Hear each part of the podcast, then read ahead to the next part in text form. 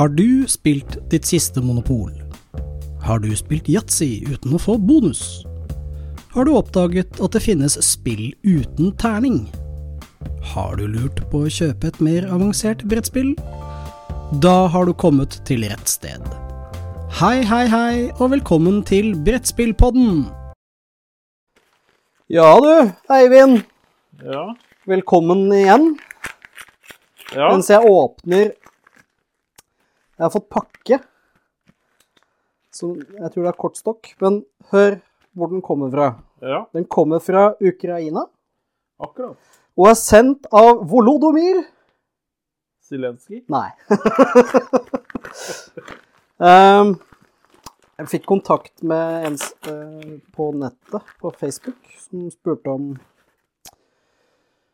jeg vet, Han eh, bor i Polen, er norsk, og av en eller annen grunn så har han kontakt med denne Volodomyr, da. Ikke Zelenskyj. Volodomyr, ikke Zelenskyj. Det fins flere Volodomyr. Jeg tror det er ganske vanlig navn. Kanskje litt sånn Pjoter i Polen. Eh, noe sånt. Og så har jeg fått en håndskrevet lapp. Det er jo koselig. Eh, og det spillet her er noe så utrolig merkelig som et spill lagd av ukrainere i Ukraina under krigen. Akkurat om krigen, eller er det noe Det ser veldig ut som det er noe preget av krigen. Ja, ser man det, ja. Så uh, Bravery Time, UA Bravery Time uh, Er det da den, den, den litt Biz mindre Games. kortstokken du har ved siden av, er det en sånn utvidelse? Uh, Pixel War heter den. Playing Cards. Jeg vet ikke. Um, jeg må fordype meg før neste episode, men uh, fikk den i dag.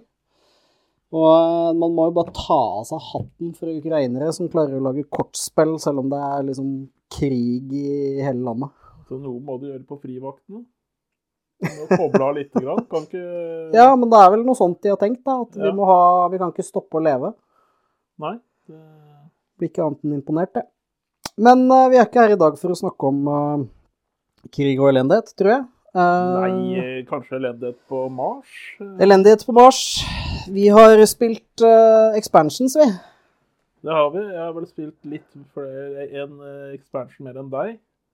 Ja, jeg har ikke Vi spilt snakker jo da om uh, Terraforming Mars Ars Expedition. Helt korrekt. Den nylig utkomne Crisis Foundations og uh, eh, Hva heter de tre modulene? Crisis Foundation og et eller annet til. Et eller annet til. Det skal vi finne ut. Ja. Um, jeg har spilt um, med begge de to andre modulene. Er det vel? Ja, eh, begge de som ikke er Crisis, og jeg har også spilt Crisis. Crisis er en co-op-modul hvor Mars er ferdig terraforma, er det ikke sånn? Det stemmer. Man eh, begynner med, med alle Holdt på å si eh, Alt er ferdig. Alle ocean tiles er flippet til ocean. Og eh, oksygen og temperatur er på topp, og, men deretter så går det nedover. For da trekker man, som navnet tilsier, crisis kort i begynnelsen av hver runde. Og de går fra kjipt til meget kjipt. Crisis Discovery Foundations Ja. heter de.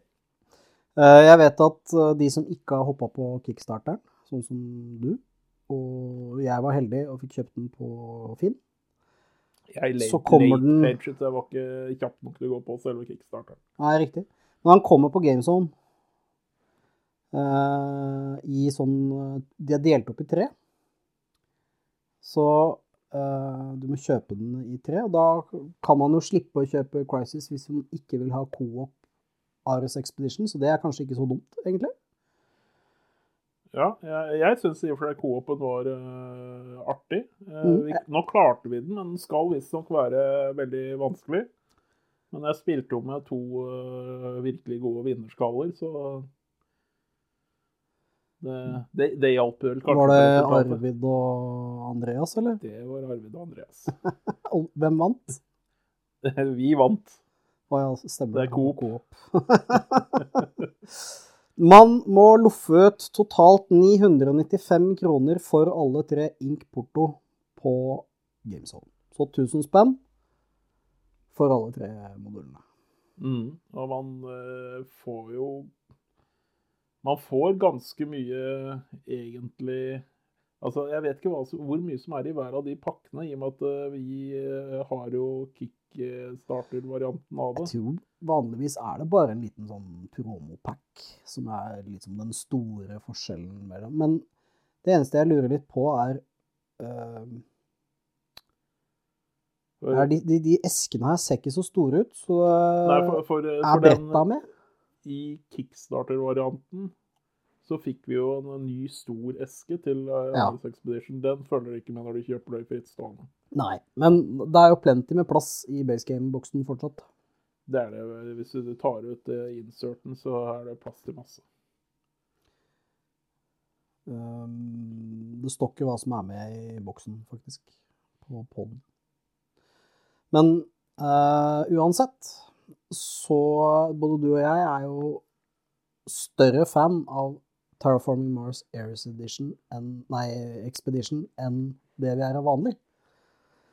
Fordi Ja. vi syns at den vanlige kan bli litt vel dryg når folk sitter og tenker seg til at å ja, nå er det fire sånn og sånn Ja. tags igjen i bunken, og hvis jeg trekker så og så mange kort, så kan jeg gå for Earth eh, Jovian tag-variant. Nå, nå er det må vi jo også egentlig bare si det også, da, at eh, det, Ares Expedition, Expedition startet kanskje som en uh, slim down og stream for streamlinet utgave av Terraforming Mars. Men nå med disse utvidelsene eser det jo ut, det også. Å, ja. Så, så det, det er jo ikke slik at det, det nødvendigvis er Hvor lang tid kort- brukte vi da vi spilte med de to andre expansionene? Det var ikke så mye mer. Nei, det Men vi var tre, da. Så... Vi var tre, ja. Men jeg, jeg føler at det er noe med Ares Expedition som på en måte bare er mer smidig. det Men det er jo også altså- mye mer sånn family game-tilnærming til for hele spillet. alt stab in our back er jo tatt ut.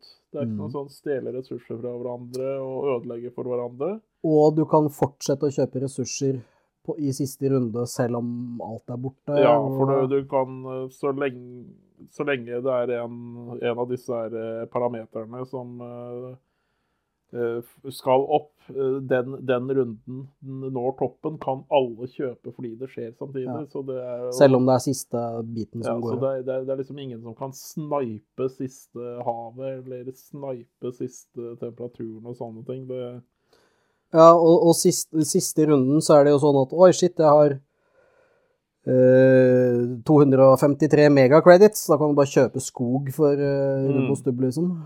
Så det det, det er kanskje med, med noe av det som er nytt nå, som, eh, for de som ikke har satt seg inn i det, er jo vi får en track til som skal fylles ut. mm.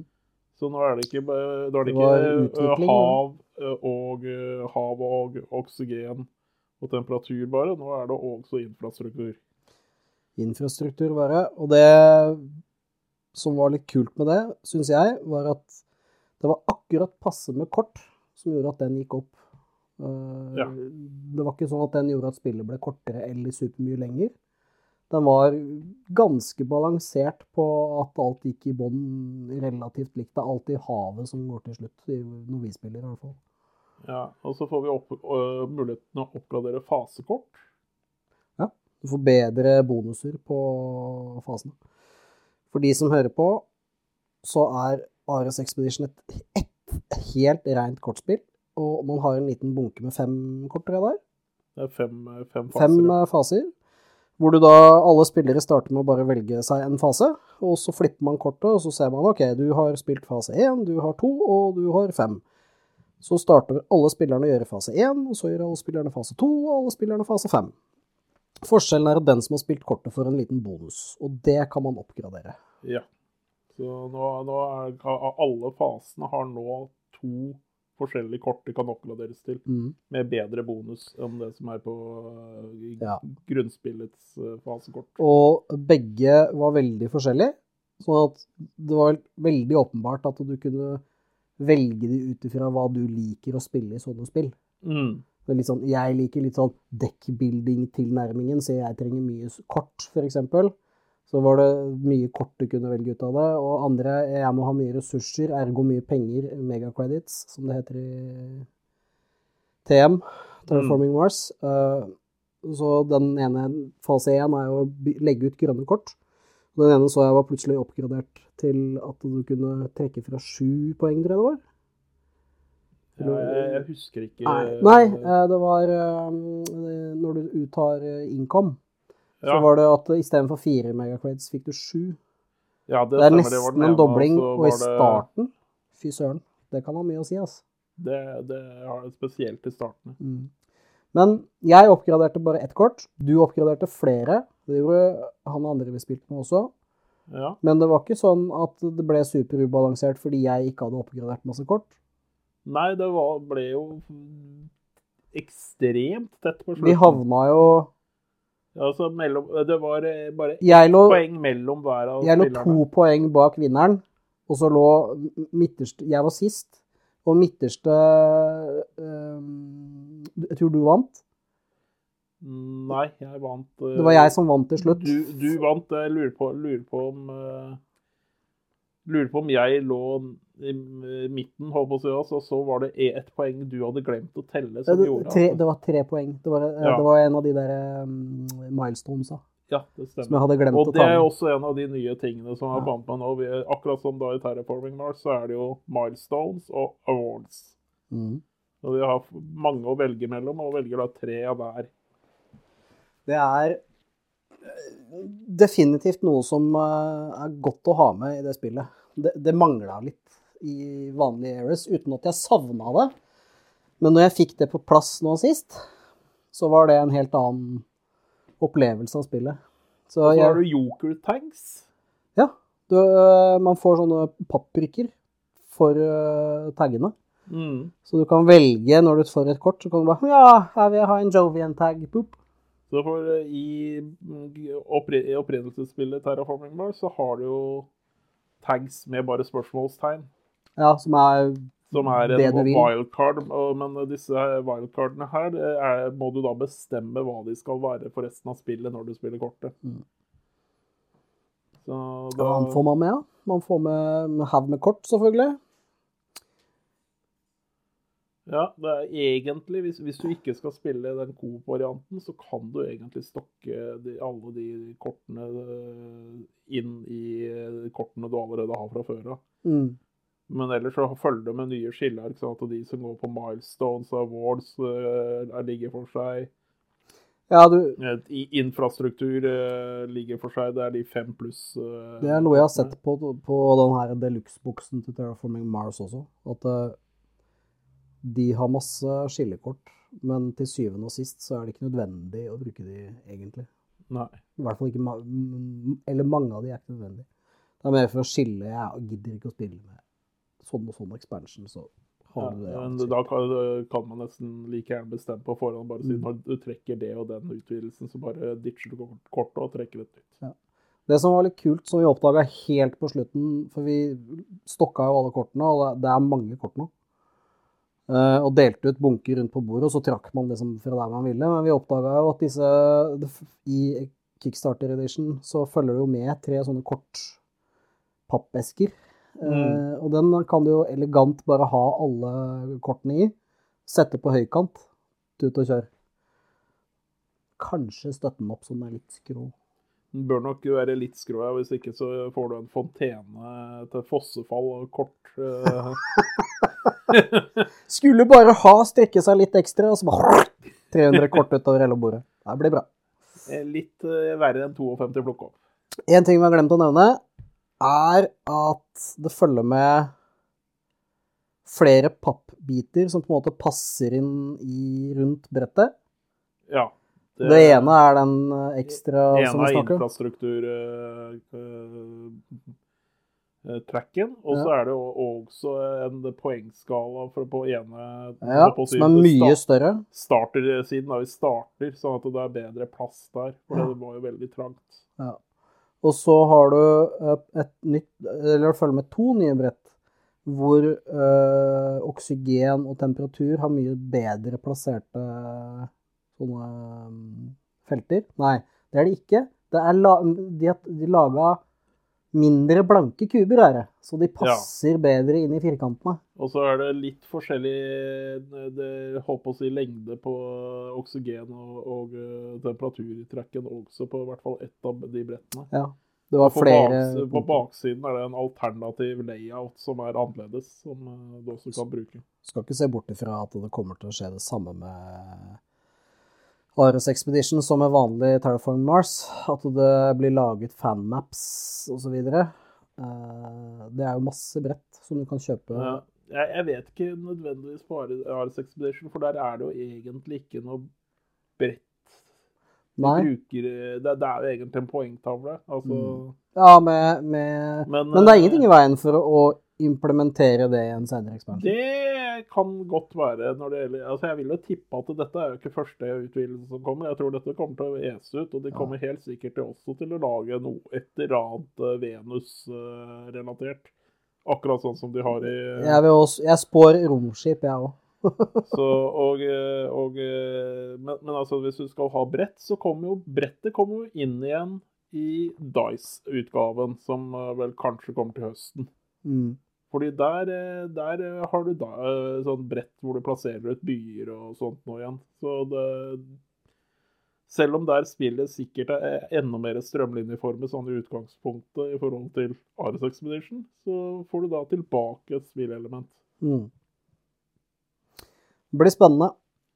Men jeg, jeg, jeg, tror det, jeg tror det kommer til å komme enda et spill i Terraforming Mars-serien. Miniatyrspillet, da, eller? Eh, nei, og jeg tror, ikke, jeg tror ikke de kommer til, ikke kommer til å lage et enda mer strømlinjeformet etter Dice Game, som da ble, ender opp som Terraforming Mars Love Letter. Nei, jeg tror, jeg tror at de kommer til å lage Terraforming Mars Legacy. Ja. Det kan godt være. Det Hvis de, hvis de lager det og får det til på en måte Da må de passe på å ikke lage en sånn variant hvor du river i stykker masse greier og sånn, for da blir folk forbanna. Ja, vi liker ikke det. Nei, jeg elsker det. Det morsomste som fins, er å sitte og røske og rive i Å kort. gud, det gjør, det gjør vondt i sjelen når du ødelegger spillkomponenter. Ja, men hvorfor skal du ha de? Gi meg én god grunn. Hvis du, hvis du sitter og spiller Pandemic 1-2-0, og så står det på kortet Riv dette kortet i stykker. Eller kast det, eller brenn det, eller tiss på det og kast det ut av vinduet. Du kan putte det under inserten. Ja, men hva skal du med det? Du kan ikke resette spillet. Det går ikke an. Det gjør vondt i sjelen! Nei da, det er så gøy at Ødelegge, Beste som fins. ødelegge spillkomponenter. Nei, nei, nei, det går ikke. Men jeg er rimelig sikker på at før, før eller siden så kommer det TM Legacy. Ja, det er ikke helt usannsynlig, det. De, de har liksom eh, skutt gullfuglen, og det er bare melke den for alt det er verdt.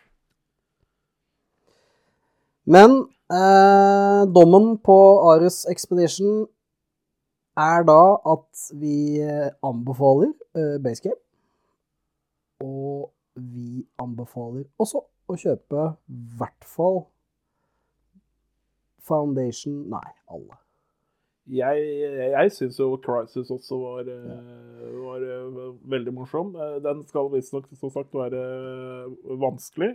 Mm. Jeg har bare spilt den én gang, og da vant vi den. Men vi spilte jo med, jeg spilte jo med to uh, Du spilte med, med eneste personen i Norge jeg har, kjenner eh, og har hørt på en måte pratet med, som faktisk har klart å vinne Robinson Crusoe uten å jukse. Og det, det spillet er psycho. Men eh, en annen ting med, med TM AE, som vi kan forkorte det til, er at eh, det er veldig variert. Ja. Hvis du skal kjøpe ett spill som gir deg mange forskjellige muligheter, så må det være et av de best bang for the buck. Definitivt. Ikke spesielt dyrt. Jeg vil tro du Det er riktignok med alle tilleggspakkene så begynner du vel å snuse opp mot uh, 1500 spenn eller noe, men Men du behøver ikke å kjøpe alle. Du kan kjøpe én av gangen, bla, bla, bla. Og basegamen er veldig billig. Ja, og det er, det er mye moro bare basegame. Jeg tror Ikke arrester meg, men jeg tror Spilltinget tar 600 kroner for uh, Special Edition. Det er den som er helt lik Kickstarter Edition. Ja, og det, det som er, det, det en veldig ålreit ting i de special edition, er jo at du har tolags uh, brett for eh, Og det Ja, altså, de, de som da hører på, de vet det er sikkert mange av dem har tolagsbrett der, men eh, Ja, det er så du slipper å er. Skumper du bitte lite Ja. grann borti det, så du- rauser ikke biten utover, og så bare Å ja, jeg hadde 300 poeng, jeg, vet du. ja. Uh, men det er en drøy uke til påske, mister.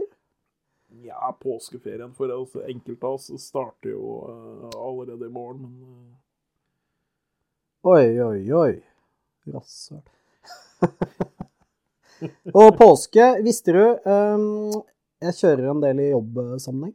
Uh, Jeg tror jeg, jeg tror jeg kjørte bak en, eh, en av bil til firmaet ditt uh, på vei til jobb i dag. ja, Det er Mobit, er det ikke det? Jo. Det ser ut som en sånn her finger, men det er vel en Ja, vet du hva, sånn det har jeg lagt merke til, at den ene hånda er litt uheldig. Det er sånn Det ser ut som en langfinger, lang finger, men det er vel egentlig en pekefinger. Det er en pekefinger, ja. Er, du må være litt kreativ for å få det bli en langfinger. Men uh, den er litt sånn uheldig, for det er liksom en knoke. Den er litt sånn. Ja. Jeg lurte Um, et lite øyeblikk på om det kanskje var du som kjørte Nei, oppover mot eh, Revetal i, i dag morges, men uh, det er ikke meg i dag. Men jeg var der typ i går. Men uh, da jeg kjørte bilen, eller kjørte bil i dag, så hørte jeg på radio. Og da var det et eller annet innlegg med en eller annen fyr på, noen nyhetskanal om Det var en forlagsfyr. Og der snakket de om hvor påskekrimmen oppsto. Fordi, fun fact, det finnes ikke påskekrim i Sverige. nei. Det er ingen, når vi sier påskekrim til hvem som helst som ikke er norsk eller bodd i Norge, så skjønner de ikke hva vi preker om i det hele tatt. Det er bare helt blåst.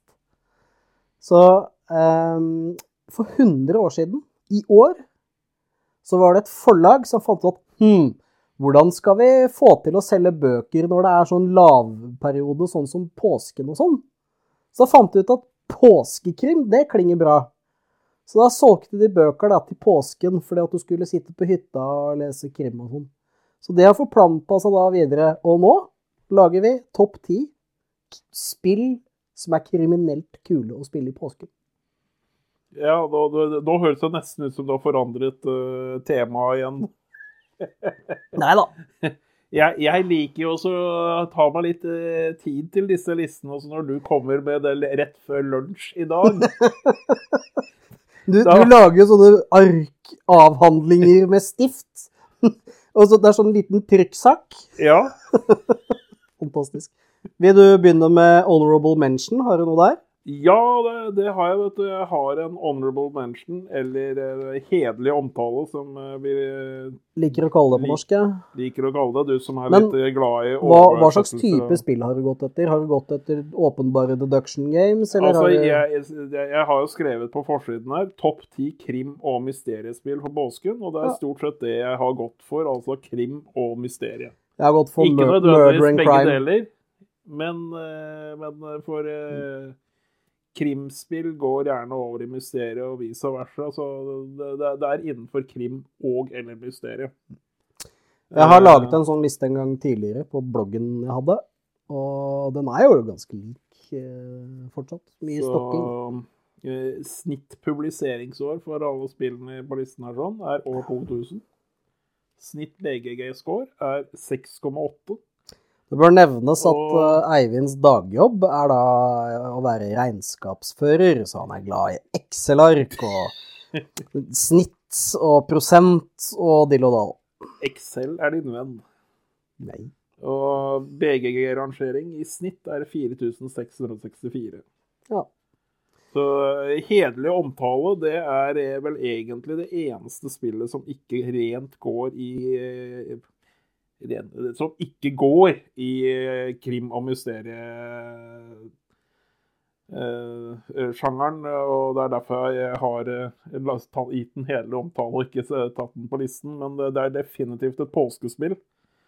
Eh, det heter AD40 og eh, er designet av Tom Decker, gitt ut av Victory Point Games i 2012. Og har en BGG-score på 6,8 og en overall på 8241. Eh, og i AD30 så spiller du Jesus. Og du skal hjelpe Jesus i å komme frem til Jerusalem i tide til korsfestelsen. Så, og det er ikke et lett spill. Jeg nekter å spille det spillet med mindre det er brettspill i Jesus, som å komme frem til konnet sitt i tide. Det kan sikkert uh, gjøres om, men, uh, men det er, eh, det er uh, da et rent solospill som jeg pleier å dra frem én gang i året, og det er til påske. Jeg har faktisk tre spill på Honorable Mentions eh, denne gangen. Oi, oi, oi. Fordi at eh, egentlig så syns jeg alle tre burde vært på lista. Men da jeg satt og lagde lista, så var det sånn Jeg har egentlig ikke lyst til å spille det. Men det er kjempebra. Mm. Og det er uh, Mansions of Madness, som jo jeg digger, egentlig. Og så er det uh, Deduction, Murder in Hong Kong fra 2014. Og så er det alle disse her Escape Room The Game-spilla som eh, er mulig å få tak i i Norge hvis du finner ut to ja, er dager før påske at jeg skal ha et brettspill. Ja. Og eh, de eh, tre er spilt med gladelig spiller, men som eh, denne påsken eh, kommer til kort på topp 10-listen min. Og tiendeplassen kommer til å sjokkere en del lyttere, tror jeg. Ja. Skal jeg ta nummer ti, da? Ja. Det er eh, to kjente designere, i hvert fall. Det er Bruno Casawa og Ludvig Moblanc. Oi. Eh, utgitt i 2006 eh, med en eh, BGG-score på 7,0. Og en overall-plassering på 636. Og det er Mr. Jack. Nei, Og mener du det? den har utkommet i flere varianter. Mange. Så der, der, der har du jo litt mord og Mm. Jeg liker ikke Mr. Jack. Jeg, Mr. Jack var et av de spillene som på en måte dukka opp på radaren da jeg begynte i hobbyen, mm, på en måte. Som jeg, jeg hadde litt problemer med å finne den, fordi at hver gang jeg fant den, så var den kjempedyr. og bla, bla, bla. Mm. Når jeg endelig fikk tak i den, så var det sånn Ah, det her var jo ikke noe gøy. Men det er selvfølgelig tilfeldig ikke sant? at du spilte med feil personer. Bla, bla.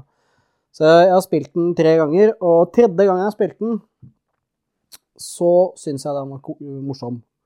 Men uh, da er liksom løpet kjørt. Ja. Det må være Det må være one off. Uh, det var tiende, din tiende. Det var nummer ti. Eh, min tiende blir litt lang, så, for jeg må jo få forsvare det. ja. Men eh, det er rett og slett Cludo.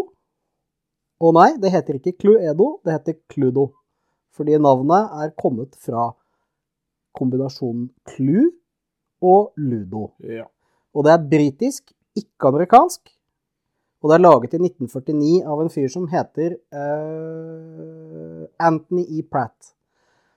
Og poenget med tittelen og poenget med spillet er at det ligner litt på Ludo visuelt. Sånn at han tok ordet clue, for han har laget et deduction-spill, og så tok han Ludo for å selge det, og lagde tittelen Cluedo. Eh. Men i Amerika så er det ingen som aner hva Ludo er. Nei, for det er etter det partisi. Nemlig! Derfor heter det Clue i Amerika. Er du også klar over at i Amerika så er det det eneste landet hvor de har byttet ut eh, pastor Grønn, eller Reverend Green, til Mr. Green? Yes, jeg er klar over det, og de holder på med det ennå. Versjonen, det kommer en ny versjon av Cludo, som for øvrig også da eh, er tegnet av folk vi kjenner. Aha, er det Aha. fra Holmestrand? Det er fra Holmestrand. Um, um, jeg vet ikke helt når det kommer, men han har, jeg har sett et par av tegningene, og de er skikkelig kule. De er mye kulere enn det de har vært før. Så det ble et helt annet sånn visuelt inntrykk Er på det, er det et eh, bestemt Er det et generelt uh, Cluedo-spill? eller Det er, er det- er det standard, te- stand, classic, classic Cluedo, tror jeg de kaller Ja. det. Uh, men det som er med Cluedo, i eh, 2023, er at de har laga tre andre også. Fordi du har vanlig Cludo, som du kan kjøpe i 18 og 40 versjoner. Og så går du inn i en leketøysbutikk som ikke har solgt på en stund, så har de en versjon. Mm. Og så går du inn i bokhandelen, som jo selger mye brettspill. De har den siste versjonen, som er helt annerledes, med noen blogger og helt andre navn og dill og dall. Og så kan du komme over Hei, i skapet, ikke sant, så har du en Cludo fra 1988, så er den helt annerledes. Og i år, eller i fjor eller noe sånt nå, så har de gitt ut tre sånne escape room, eller exit-type spill. Akkurat. Eh, De heter eh, På norsk så heter de Hold deg fast. Først og fremst så kaller de de Et løst mysterie- og rømspill. På engelsk så heter det An escape and solve mystery game. Så hakket mer smidig på engelsk der. Ja.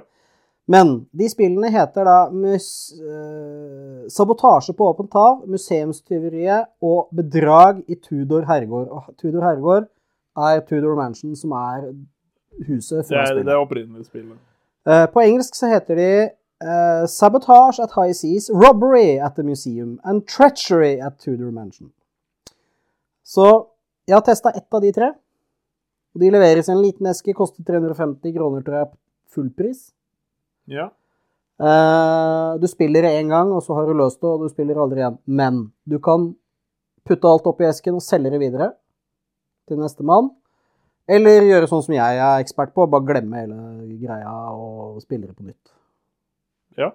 Jeg Eh, vil jo, vil jo tro at eh, det er flere holdt på å si nerdebrettspillere, hobbybrettspillere enn meg, som har egentlig et eh,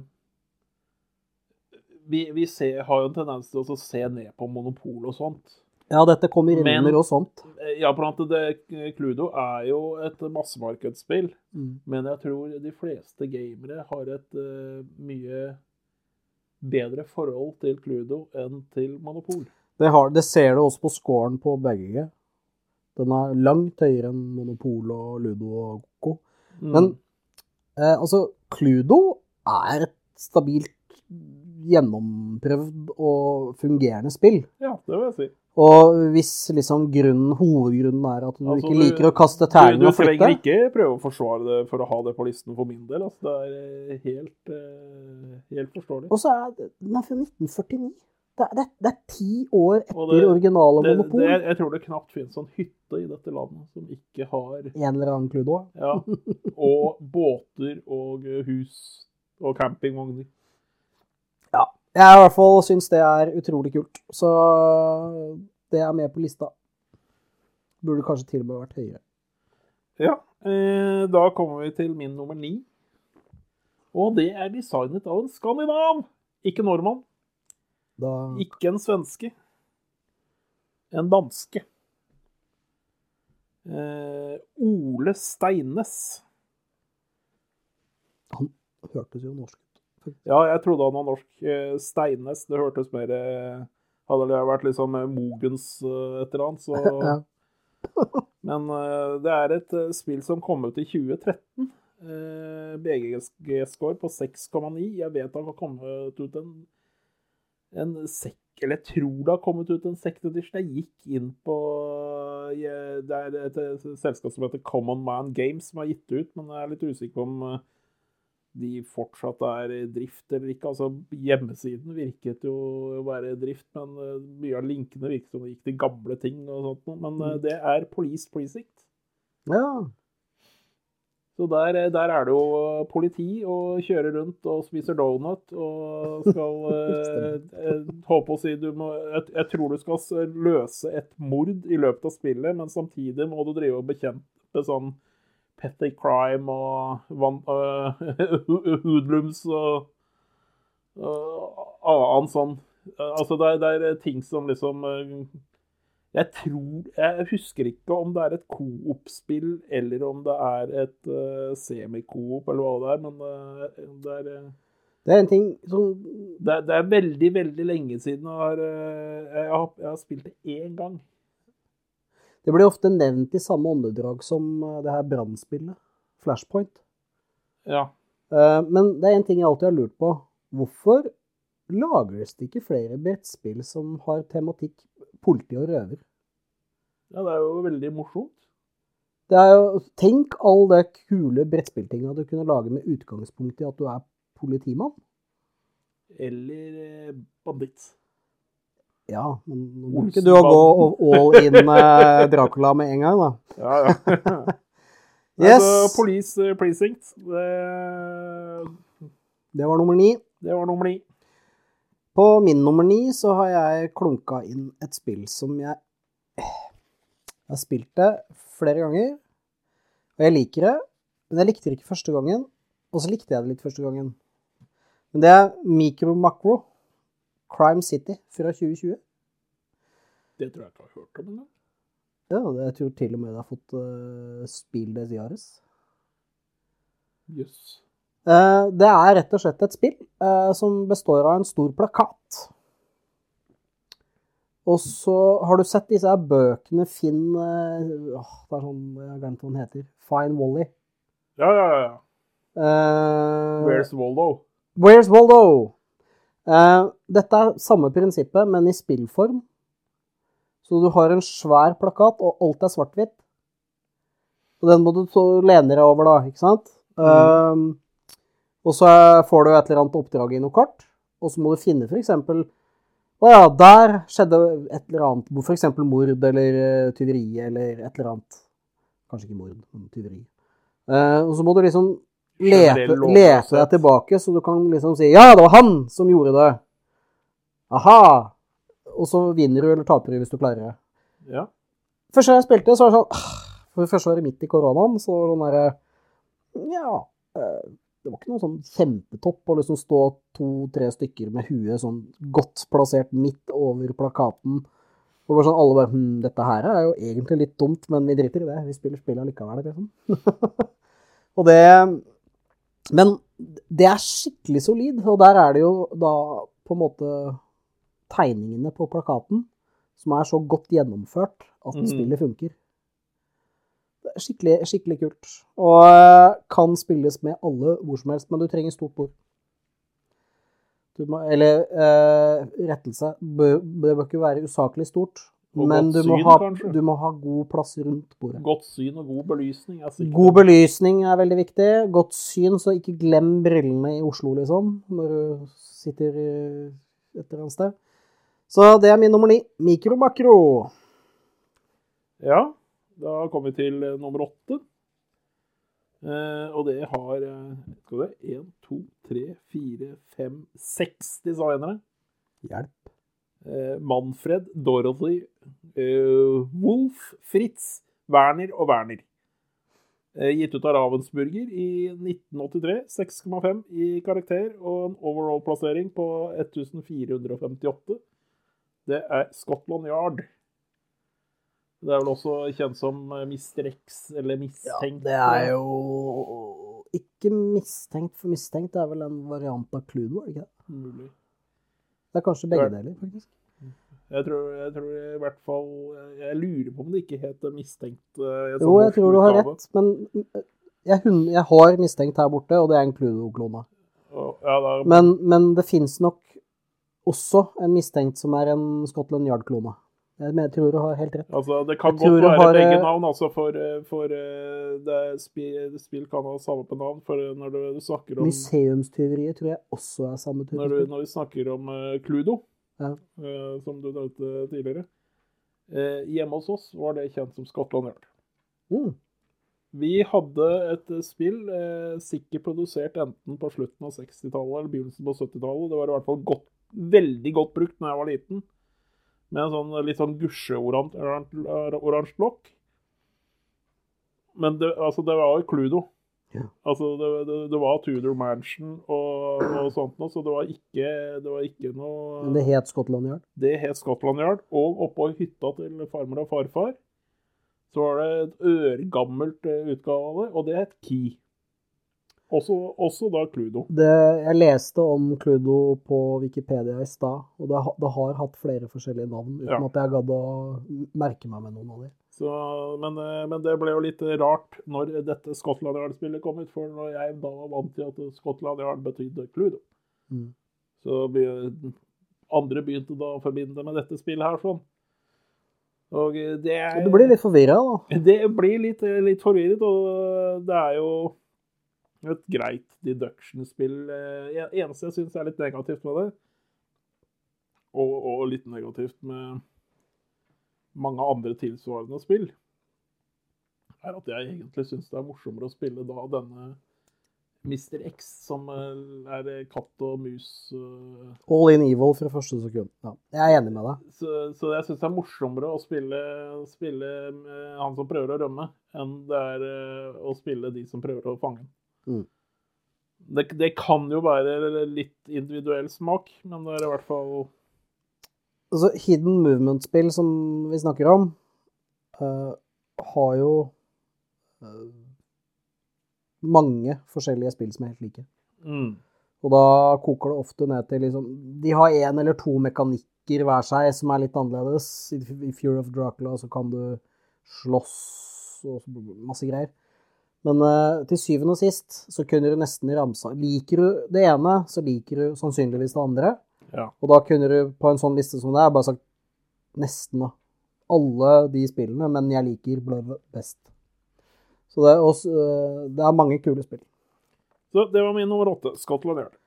Min nummer åtte er et spill som du får tak i i bokhandelen. Eller det er ikke ett, det er mange. Jeg aner ikke hvor mange det er, men det er alle disse Exit-spillene. De er laget av Inga og Markus Brandt med fler. For det, jeg skjønte etter hvert at hvis jeg skulle ramse opp absolutt alle, så ville det blitt mange. For det er gjerne en ny en på hver. Ja, det var som alle de der eh, som Ja. eh, sto, sto oppført på altså, Scotland Yard. For det første så er altså det er påske, man skal kanskje på hytta. Kanskje man har litt sånn Det er lovlig mye mat i den sekken. Skal jeg ha med brettspillet òg, liksom? Uh, og da kan du fint ta ta med deg en exit-variant. For det første så er det såpass vanskelig at det fort vekk kan være en uh, flere runder ut av det. For du får det ikke til. Det er litt trist hvis du havner der. Men det er samme sizen som en uh, yatzyblokk, da. Mm. Og samme høyde som fem yatzyblokker rundt. Så det er veldig lett å ha med. Og så er det, i hvert fall de jeg har spilt, har vært veldig bra. Det som er negativt med de spillene, er at uh, i hvert fall noen av de er sånn at når du har spilt de, så har du brukt det opp. Et av de var eh, de, de har en sånn blå insert i spillet. Sånn pappinsert, bare sånn for å holde ting stabilt. ikke sant? Mm. Plutselig så kommer du til et punkt der, så ta ut den og klipp den og del den opp og lag en blueprint av det. Og det er sånn, når du har gjort det, da har du gjort det. Ja. Det går ikke an å lime den tilbake på noen måte. Nei. Så det eh, er kanskje litt dumt med noen av de, da. Men uh, det koster hva for noe? 200 kroner? så er du en familie på fire, da, så er det mye billigere å dra en tur på kino. Og i mange tilfeller morsommere. Det var nummer åtte. Ja, da kommer vi til eh, nummer syv. Eh, Da er det et spill fra 2014 som er eh, designet av Alan Emrick og Roger Hayworth, og har en BGG-score på 5,6. Og en overall-plassering. Det er en av de laveste spillene. Det tror jeg egentlig mest fordi det er relativt ukjent, ikke fordi det er, fortjener så lav plassering. På 19.924, og det er I Say Holmes second edition. Det er en eh, Det er ikke helt riktig å si at det er en tematisert Uno, men eh, det er ikke langt unna, i hvert fall. Det er Sherlock Holmes til, til Uno. Sherlock Holmes Uno. Ja, og eh, det, er ikke, som sagt, det er ikke helt riktig. Det er eh, om eh, enten, eh, enten så skal du klare å finne hvem det er som har en banditt på hånden, altså et kortspill, ikke sant? Eh, Og klare å peke ut den som er banditten. Eller så skal du som banditt eh, klare å kvitte deg med alle kortene bortsett fra bandittkortet, og da har du klart å rømme. Vel, veldig forenklet sagt. Jeg hater Uno, men uh, det hørtes Men uh, her, eh, her spillbart ut. Her spiller du flere runder, og du får, på, du får poeng, og du Vinneren er jo den som etter flere runder har, har mest poeng. Ja. Så, så det, er, det er mye mer enn bare Uno. Men Ja, min nummer sju har fått den fantastiske ranken eh, av 6,7 på Nei, unnskyld, 6,5 på begge. Uh, 36 spillere, 60-90 minutter. Ljug. Uh, spilles fra åtte oppover. Designet er Bruno Feidotti. akkurat. og Serge Laget, eller noe sånt noe. Uh, vi snakker om Mystery of the Abbey. Og Ja. enn så lenge så er det det eneste spillet jeg faktisk eier som er levert med en liten bjelle. Du skal ringe en bjelle når du får til et eller annet og noen greier. Ding, ding, ding, ding, Ja. Minner litt om uh, Tja. Det er så lenge siden jeg har spilt det nå at eh, det er derfor det står på lista, egentlig. Jeg gleder meg til å teste det igjen. Jeg tror ikke jeg har spilt det på over et tiår, så jeg husker nesten ikke hvordan det var. Bakpå esken så står det at det er deduction game in the spirit of clue. Jeg vil vel kanskje si at det er mer i, i Rosens navn. Ja, i Rosens navn tror jeg er samme spillet. Faktisk. The Name of the Rose, eh, som er en film fra 80-tallet, som eh, Ja, med Sean Connery og Christian Slater. Og Ron Perlmans første rolle. Det, Mord og det henta jeg rett fra Mord og hjernen, mysterier i klosteret. rett og slett. Jeg eh, har spilt det flere ganger og har kosa meg glugg i hjel. Så eh, det står på påskelista i år. Ja. Eh, da har vi kommet til min nummer seks. Og eh, der har vi et eh, eh, spill som er designet av Prospero Hall. Uh, Utgitt av Ravensburger. uh, 2019. Kan jeg gjette? 7,7 i BG-score. Kan jeg gjette? Overall gjette? eh, 170 plassering. Ja. Er det Rare Window? Nei, det er Horrified. Å ja. ja. Den er godkjent. Som uh, også har kommet ut i en ny utgave i 2021, som heter Horrified American Monsters. Men da med istedenfor klassiske movie, movie monsters, filmmonstre, så er det da sånne American cry- cryptids, som vel Jeg vet ikke hva man kaller cryptids på, på godt norsk, egentlig. Sånn Du laga et Krypto. e- egenord der. kryptozoologi. Ja, altså Sånn, det er jo det er- det er jo Le, Le Chupacabra og ja, Bigfoot, Bigfoot og og, der, ja. Og Det er jo mer moderne monstre. Jeg har hørt da at du må nesten bare kjøpe den De er helt like, de spillene. Ja, du, kjøper den du vel syns uh, Der du passer. liker monstrene best, Ja. på en måte. Så i vår verden så vil jeg påstå at det Jeg er vil nok gå for Horrified uh, når opprinnelige, eller første utgaven. Ja. Og den er jo en veldig fin my- mysteriegreie, coop eh, for familie, som kan eh, beefes opp på alt ettersom hvilket monster du bruker, eller monstre du bruker, til å bli veldig vanskelig bare for de voksne. Jeg, jeg digger det spillet. Så Det er Jeg digger Prosper Hall. De lager fantastiske spill for nesten ingen penger. mm, De koster øh, Om det skyldes at de, la, de lages vel for et marked type Target, altså det amerikanske massemarkedet, da, ja. tror jeg. Og de lages på uh, som regel veldig kjente IP-er, altså sånn type sånn Alle har hørt om det type ting. De har Disney Villainous, blant annet. ja. Uh, som for øvrig tror jeg er storselgeren deres. Men det er også Harry Potter, Hogwarts Bat- Battle. Ikke sant? Så det, det er utrolig mye. Men de spillene som er ukjente i Norge fordi de ikke fins, det er jo IP-er som for Disney-kjennere er kjempestore. De har for eksempel The Rocketeer, ja. ikke sant? Og, og, og de lager bånnsolide spill med veldig, veldig god artwork. Eh, Soli, solide komponenter. Og, Solide, godt lagde komponenter, men ikke sånn at du setter deg ned og her skal jeg male alle figurene, for det er ikke Det er stort sett papp. stort sett papp.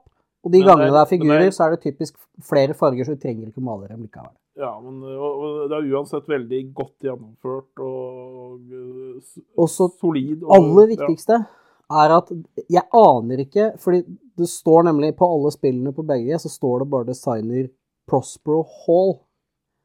Men de må leie inn bånnsolide designere.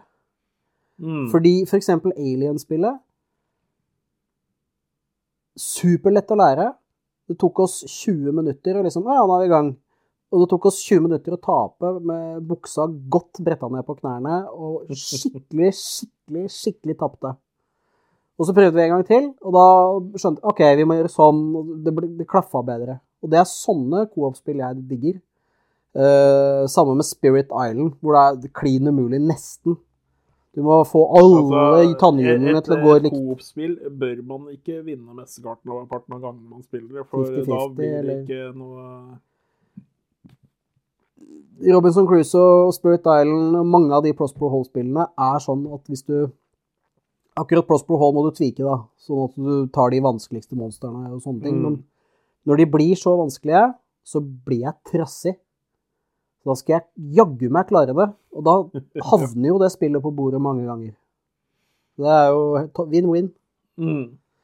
Bra valg. Den er ikke på min liste, men det er fordi jeg har valgt en annen måte å finne lista på. Jeg har trykka på murder, murder crime på BGG. Og så har jeg valgt ut fra mellom Jeg tror jeg var nede i 1500 på lista for å finne spill. Min nummer er Nå er vi på nummer seks. det stemmer. Originalen ble gitt ut i 2018. Eh, jeg har møtt designeren. Han heter Nå er det på tide å slakte navn. Men han heter David, eller David, og så Sikurel. Og han er pussig nok polsk. Akkurat. Eh, jeg møtte han i Essen da han ga ut originalspillet Chronicles of Crime, som er et av de veldig, veldig få deduction-spillene som du faktisk kan ha en utspørring av mistenkte med. Eh, som gjør hele deduction-elementet til en sånn Det er faktisk en ordentlig detektivjobb. Det er ikke bare finn den grønne fargen og det røde tallet. Ikke sant? Sånn som Cludo er. Ja. Det er elimineringsmetoden i Cludo. ikke sant? Til slutt så sier du 'Å ja, blå har jeg ikke sett'. du er glad i katter, ja? Ja. Ehm, så Han ble fornærmet nå. Ja, han ble sånn nå. Uh, Chronicles of Crime. Um, jeg holder vel kanskje en knapp på den siste versjonen, som uh, heter 1400, 2400 og 1900. eh, som Jeg kom tror ut ikke i jeg har 2021. spilt noen av dem. Jeg har jo hørt så mye bra om det, men jeg tror ikke jeg har spilt uh... Uh, det negative med spillet Det er én ting som er veldig negativt, og som slår litt forskjellig ut fra gruppe til gruppe. Men du må jo skanne QR-koder med, med sånne mobiler. Ja. Og hvis én blir sittende og gjøre det, da er det full eh, krise. Man må sende den rundt, øh, eller bruke flere eh, apper. Jeg mener du kan rigge det opp sånn at du kan vise på skjerm. Da går det greit. Men her går du da, ved å skanne QR-koder i appen og sånn, så går du da inn i stedene hvor drapet har skjedd og sånn. Og så har du sånn AR-effekt på, Ja. så du kan se rundt i rommet. Det er utrolig kult. Uh, anbefaler det. Virkelig. ja. Da har vi kommet til eh, fem. Yes. Der har jeg jukset. Har du jukset? Ja, jeg har jukset litt der. Fordi der har jeg ikke ett spill, der har jeg en gruppespill. Ja, det hadde jo jeg òg akkurat, så det er vel innafor. Eh, Arkham Horror Files. Ja, hele røkla. Jeg har juksa med det før på en av liten våre. jeg. utgiver Fancy Flight Games, eh, og eh, da kan man spille alt fra Cthulhu Yatzy i Elder Sign til eh, globetrotting med, med, med Eldritch Horror eller eh, Faktisk, det spillet som blir mest deduction game i all, av alle det Mansions of Madness har noen som er veldig, veldig deduction-aktig. ja, da, Veldig sånn finn gåten og løs puslespillet og sånn. Men har ulempen av å ha app, da. Jeg syns ikke det gjør noe, men det er mange som kicker når fort det blir en app. Jeg har ikke noe imot å spille det, men jeg har noe imot å eie det. Og så har du uh, The Card Game. som også har noen eh, varianter som er veldig sånn hm, Her må jeg gruble ut løsningen.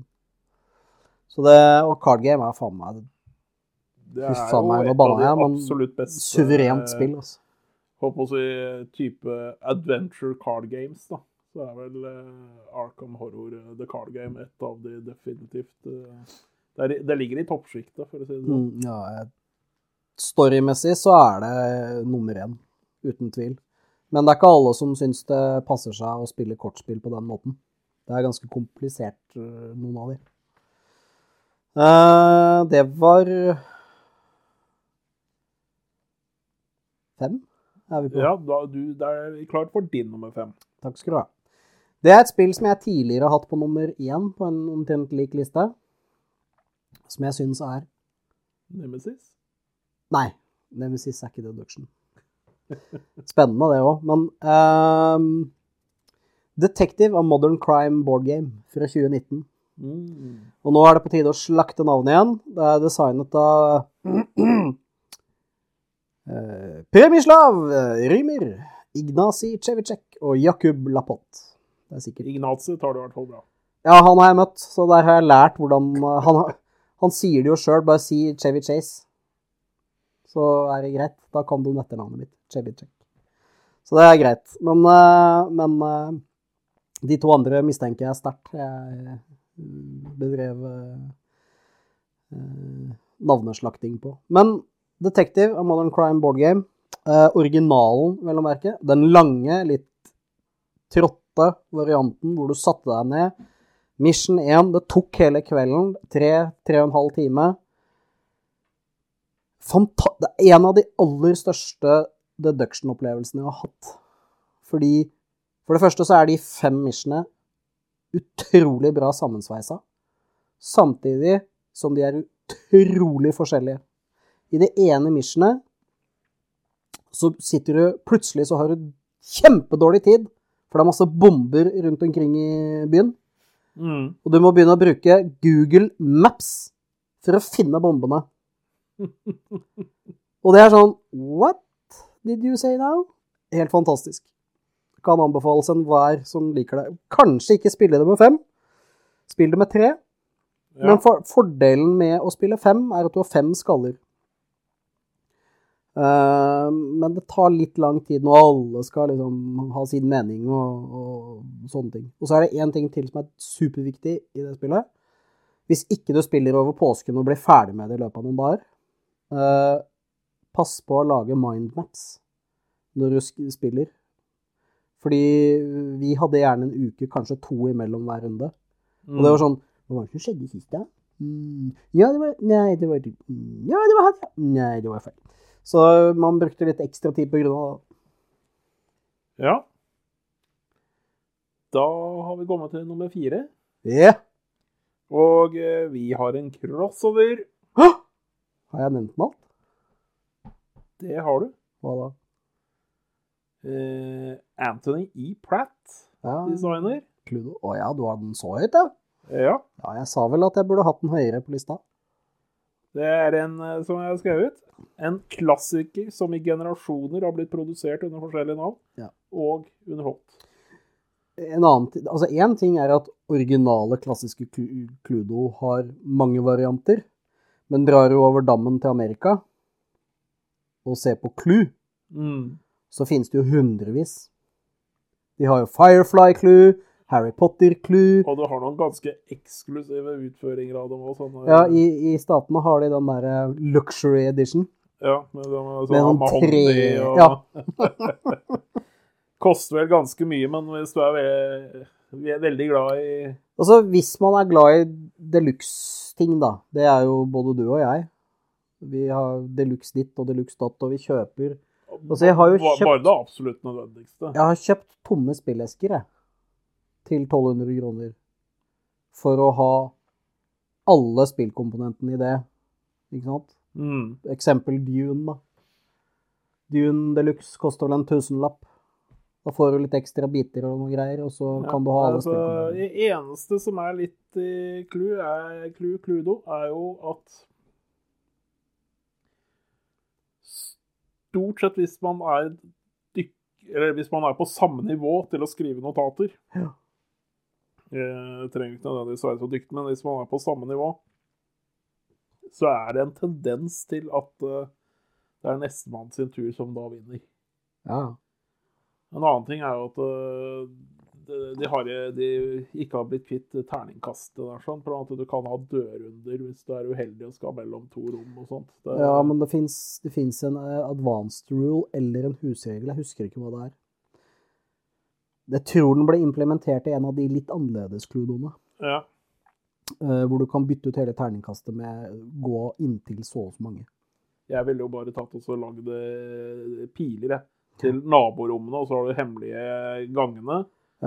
Jeg Så, tror, kan, så at du da hele tiden kan bare gå direkte over til noen, eh, noen rom. jeg tror faktisk det er, det er nok en husregel, tror jeg, hvor du bare byt, du kan gå til gangen eller til naborommet Mm. hele veien. Så, så Nei, men altså det, så, Som jeg sa når du nevnte Cluedo, så er det et spill de fleste gamere har et langt mildere forhold til av massemarkedsspill enn for Monopol og sånt.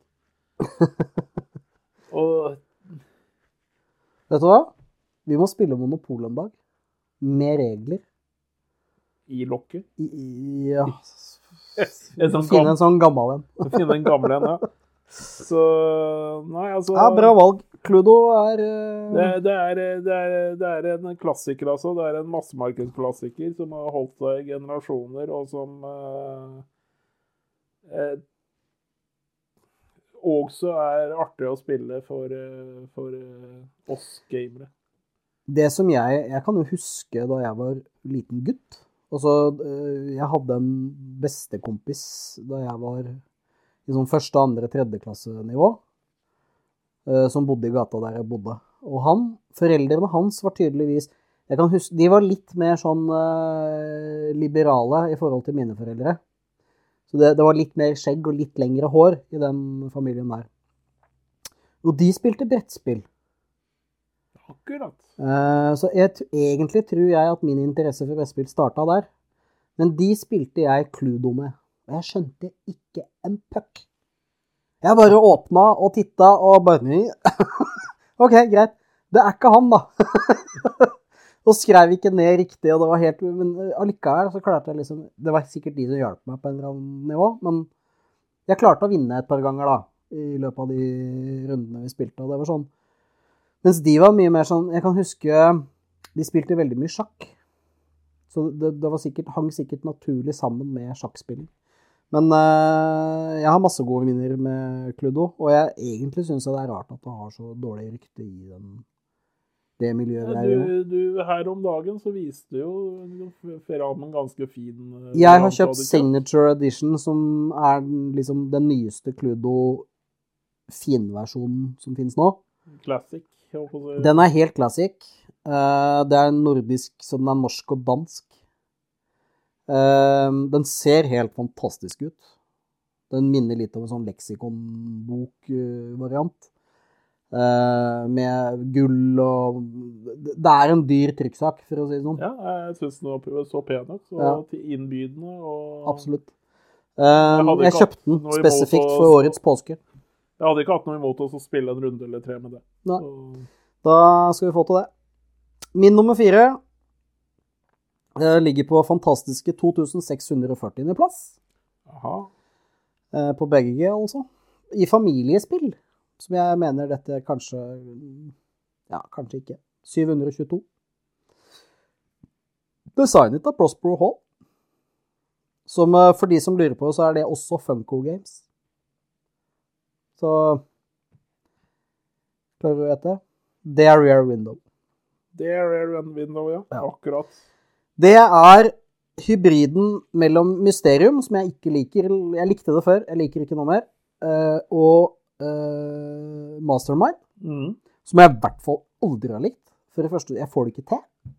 Så jeg, I suck at Mastermind, men jeg sugde ikke på Hitchcock. Jeg er helt sikker på at, uh, at uh, vår sjakkstormester uh, Magnus Carlsen Han, Han har garantert han tar mastermind på to trekk. Ja, det er sånn tut, tut, tut. Statistisk så putter du gul der. um, Igjen, Prospero Hall imponerer meg hver gang det kommer ut noe. Og jeg syns det er helt krise at ikke de gis ut på norsk.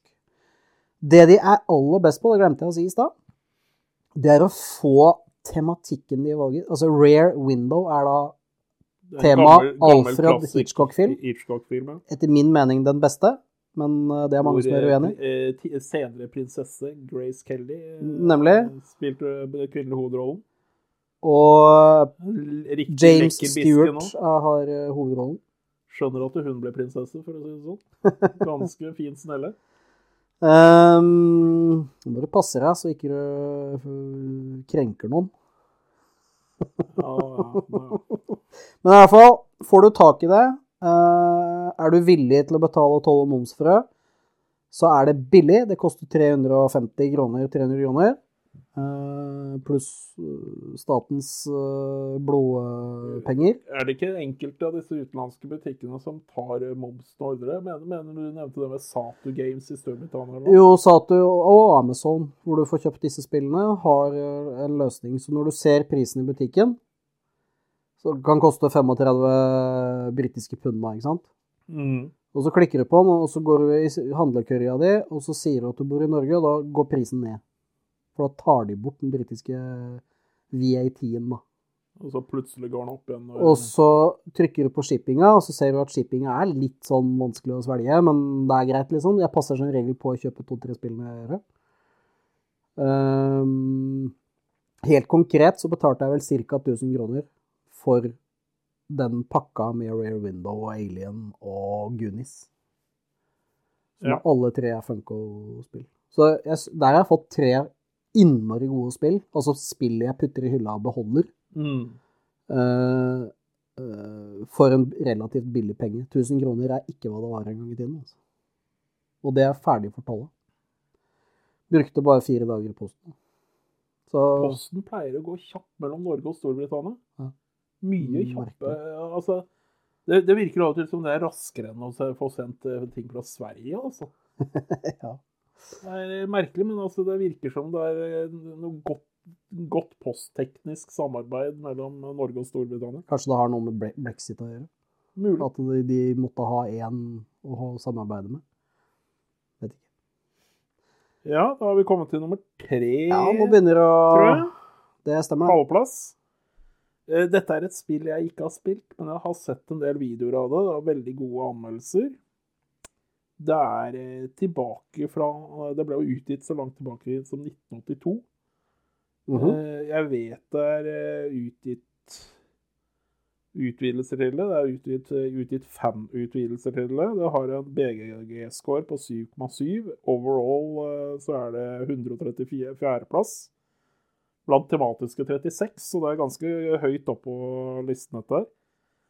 Designet av Raymond Edwards og Susan Goldberg og Gary Grady.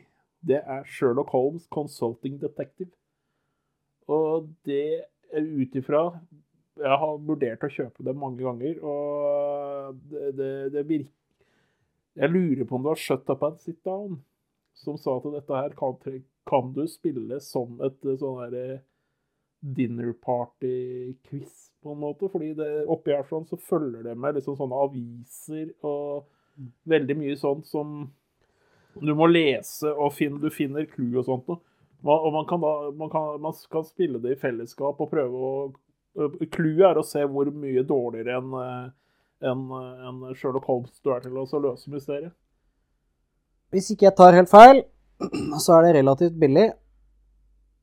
Fortsatt. Eh, Det er fortsatt tilgjengelig. Det, jeg, Å, ja. jeg sjekket på GameZone, tror jeg. De hadde det til eh, Space Cowboys fikk eh, gitt ut for noen år siden på nytt. Og de nye versjonene er kjempebra. Eh, Min nummer tre, da. Sherlock Holmes Consulting Detective. Så vi har samme tre. Men jeg har spilt det, da. Eh, og det jeg kan si, er at du spiller jo en del uh, solo, og liker det. Stemmer.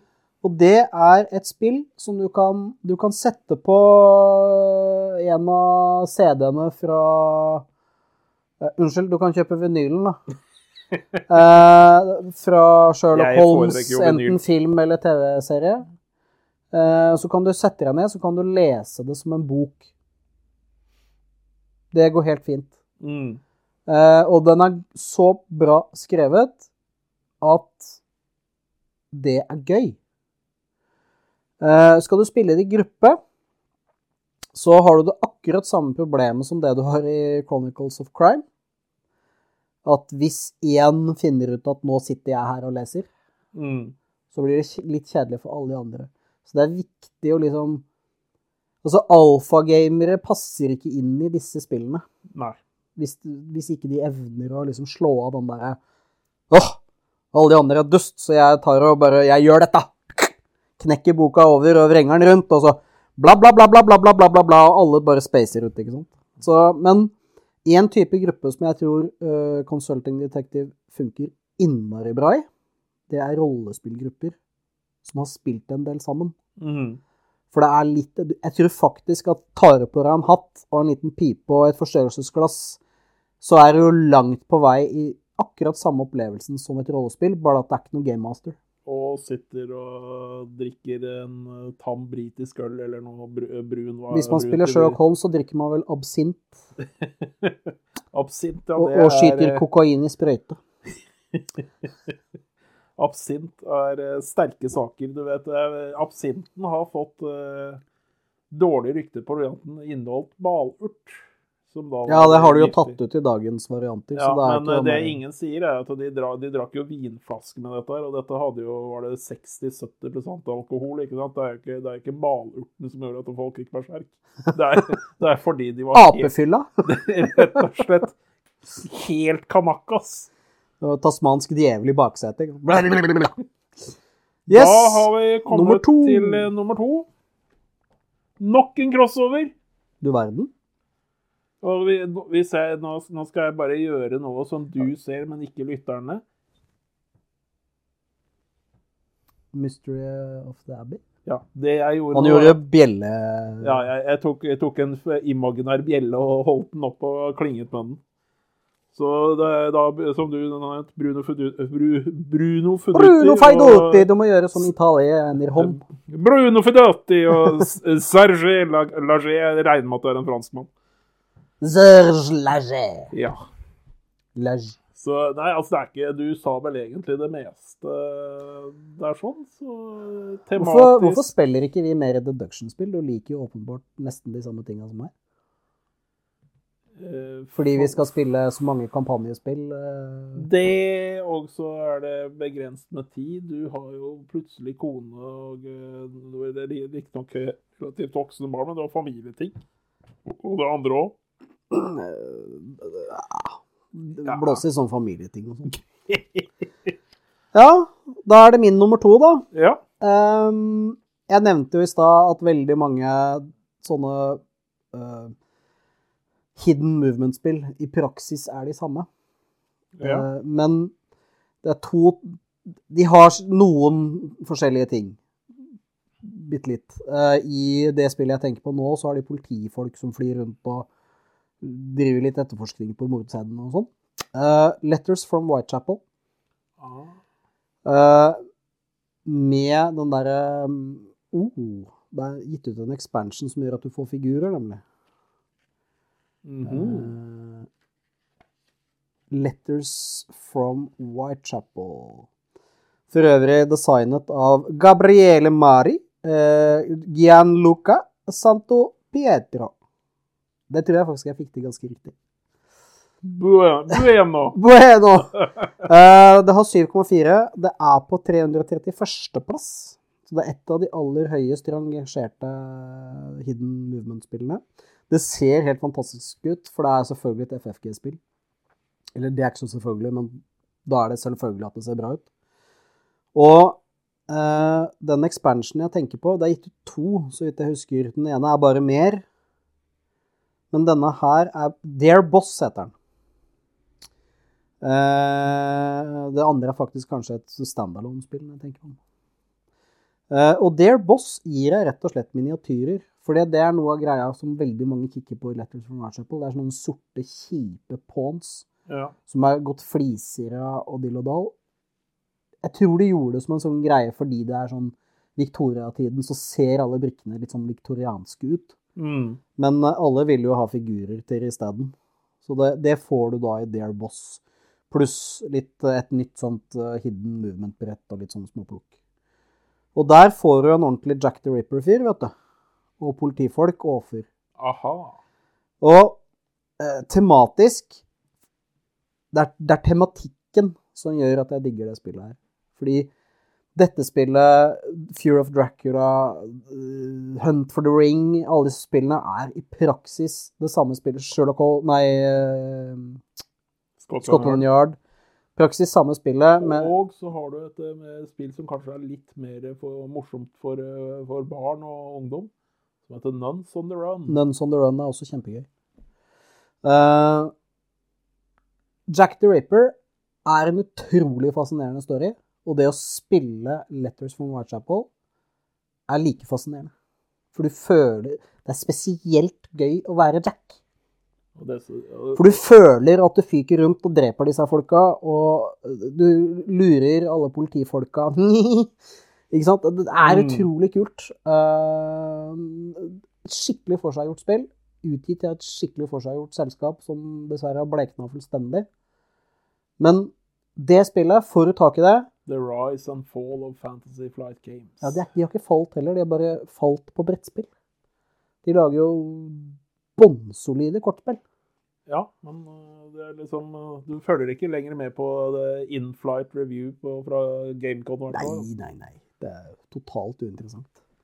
Det er mange store spillselskap som har tapt seg mye, eh, som var bare for noen år siden kjempestore, og som fortsatt er store, men som jeg personlig mener har tapt seg, og det er uh, FFG er én. Eh, heldigvis så liker jeg mange av kortspillene deres, så jeg er fortsatt kunde, selvfølgelig. Mm. Uh, en annen er jo Simon, eller Come On, som det egentlig heter, tror jeg. Eh, Cool mini or not. ja, det har de fjerna helt. Ja. Um, og eh, grunnen til at jeg misliker eh, Simon, er at de, de gir egentlig ut en del bra spill. Men de begraver dem i dårlige IP-er, og så hiver de rett ut på retail. Et, et eksempel der er jo The Godfather, Mm. som er et mye mer smidig versjon av uh, Lords of Waterdeep. Nemlig. Bare det at Forskjellen er at i Lords of Waterdeep så er ikke tematikken god. For det er, det er så åpenbart tacked on, for det har ikke noe med Dungeons and Dragons å gjøre, det der greiene der. Mens i Godfather så har de gjort det De har til og med sånn at når du dreper dem, så skal de puttes i elva med betongtøfler. Og det er egen gravplass i uh, spillinserten. Og det er i praksis det samme spillet, så du opplever akkurat de samme tinga, men du unngår dette at det er 48 sånne øh, helter som du skal drive og styre med. Mm. Så morsomt spill. Men Letters from Whitechapel, min nummer to. Da har vi kommet til eh, pall... Jeg holdt på å si topp, topplasseringen, eh, nummer én. Eh, det er eh, utgitt i 2022, et ganske nytt spill. Eh, BGG-score på 7,6. En overall-plassering på 2640. Og du har nevnt det tidligere, så det er en crossover. Enda en. Og som jeg har skrevet, har naboen tatt livet av sin bedre halvdel? Her er det utømmelige påskemysterier i en liten boks, og det er da Rear Window. Ja. Jøss. Nummer én. Ja. Impressive! Så som sagt, jeg følte den gikk veldig godt opp mot uh, påskekrim-greia. Nesten Mm. best av alle spillene. Og du har så mange varianter i den lille boksen. eh, med forskjellige ting du kan gjøre, og du kan gjøre det vanskeligere òg med de greiene som er eh, Som jeg ikke har vært med på å prøve, i hvert fall. Hvor du har eh, sånn in association with og sånt, og hvor du har flere Mm. Altså, det spillet er jo unikt i så måte at du også Du kan sitte Jeg vil tro spiller du to, da, en som er bak og en som er foran skjermen, så vil det nok bli veldig sånn lite interaksjon. Det vil nok bli spiller du taust, men man har det sikkert hyggelig sammen. Ja, ja, ja. Men uh, spiller du det i et lystig lag, som det jo er en del av i påska? Det tror jeg det passer veldig godt Det tror jeg òg. Jeg tror jeg er helt konge. Da er det trommetopp til, eh, til uh, nummer én på min side. Laga i 2019. Eh, jeg har gitt det en score på ni. Det er ikke så ofte jeg gjør det. Nei. Eh, Det har 7,9 i snittscore. Eh, Designet av Evan Derrick og har en kunstner som heter Vincent Dutré, eller noe sånt noe. Minner veldig om LA Noir og heter Detective City of Angels. Det tror jeg ikke har spilt. Ehm, det er et um, spill hvor det er en overlord, altså litt sånn hidden movement-aktig greie, men det er helt annerledes. Det består av uh, Altså, base game har vel ti saker, tror jeg. Det er ti kortstokker som du åpner.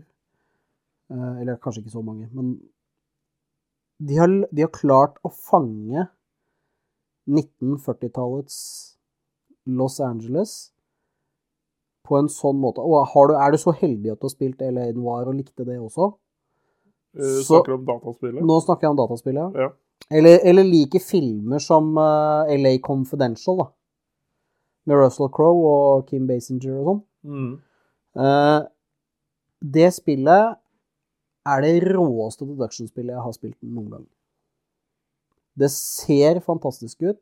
Det har fantastisk mye kule mekanikker som gjør at du uh, Du kan du, du åpner opp, og du, du etterforsker, og du, du sjekker spor. Og, og så Hvis motspilleren din For dette er ikke coop.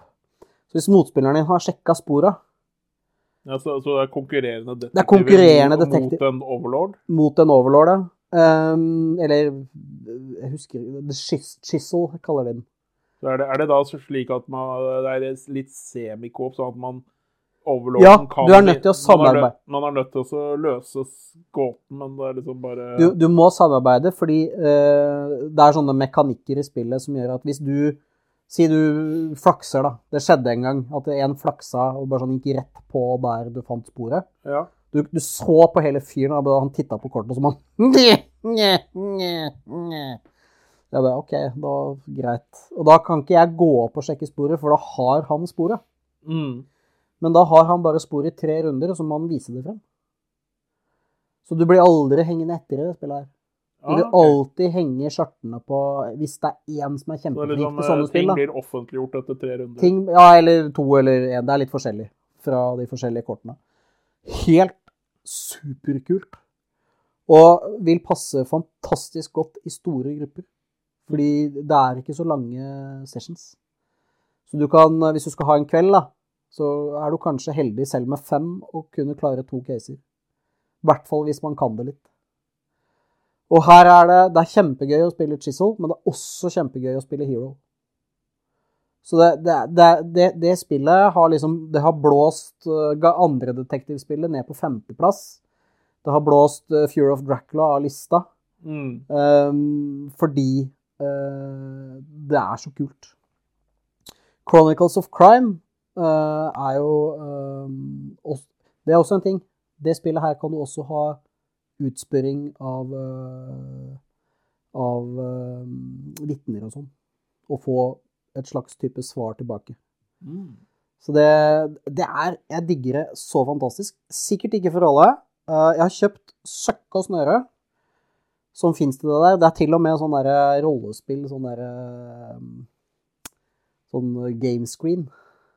Aha, Som kan- DM eh, Som gameskjerm, hvor alle sånne småting står. Utrolig kult, altså. Jeg digger det så. Uh, spiller i langt ifra nok. For øvrig laga av Van Ryder Games, som har laga Final Girl, som veldig mange har hørt om. Som nå har en nummer to. Og så har jeg én ting til.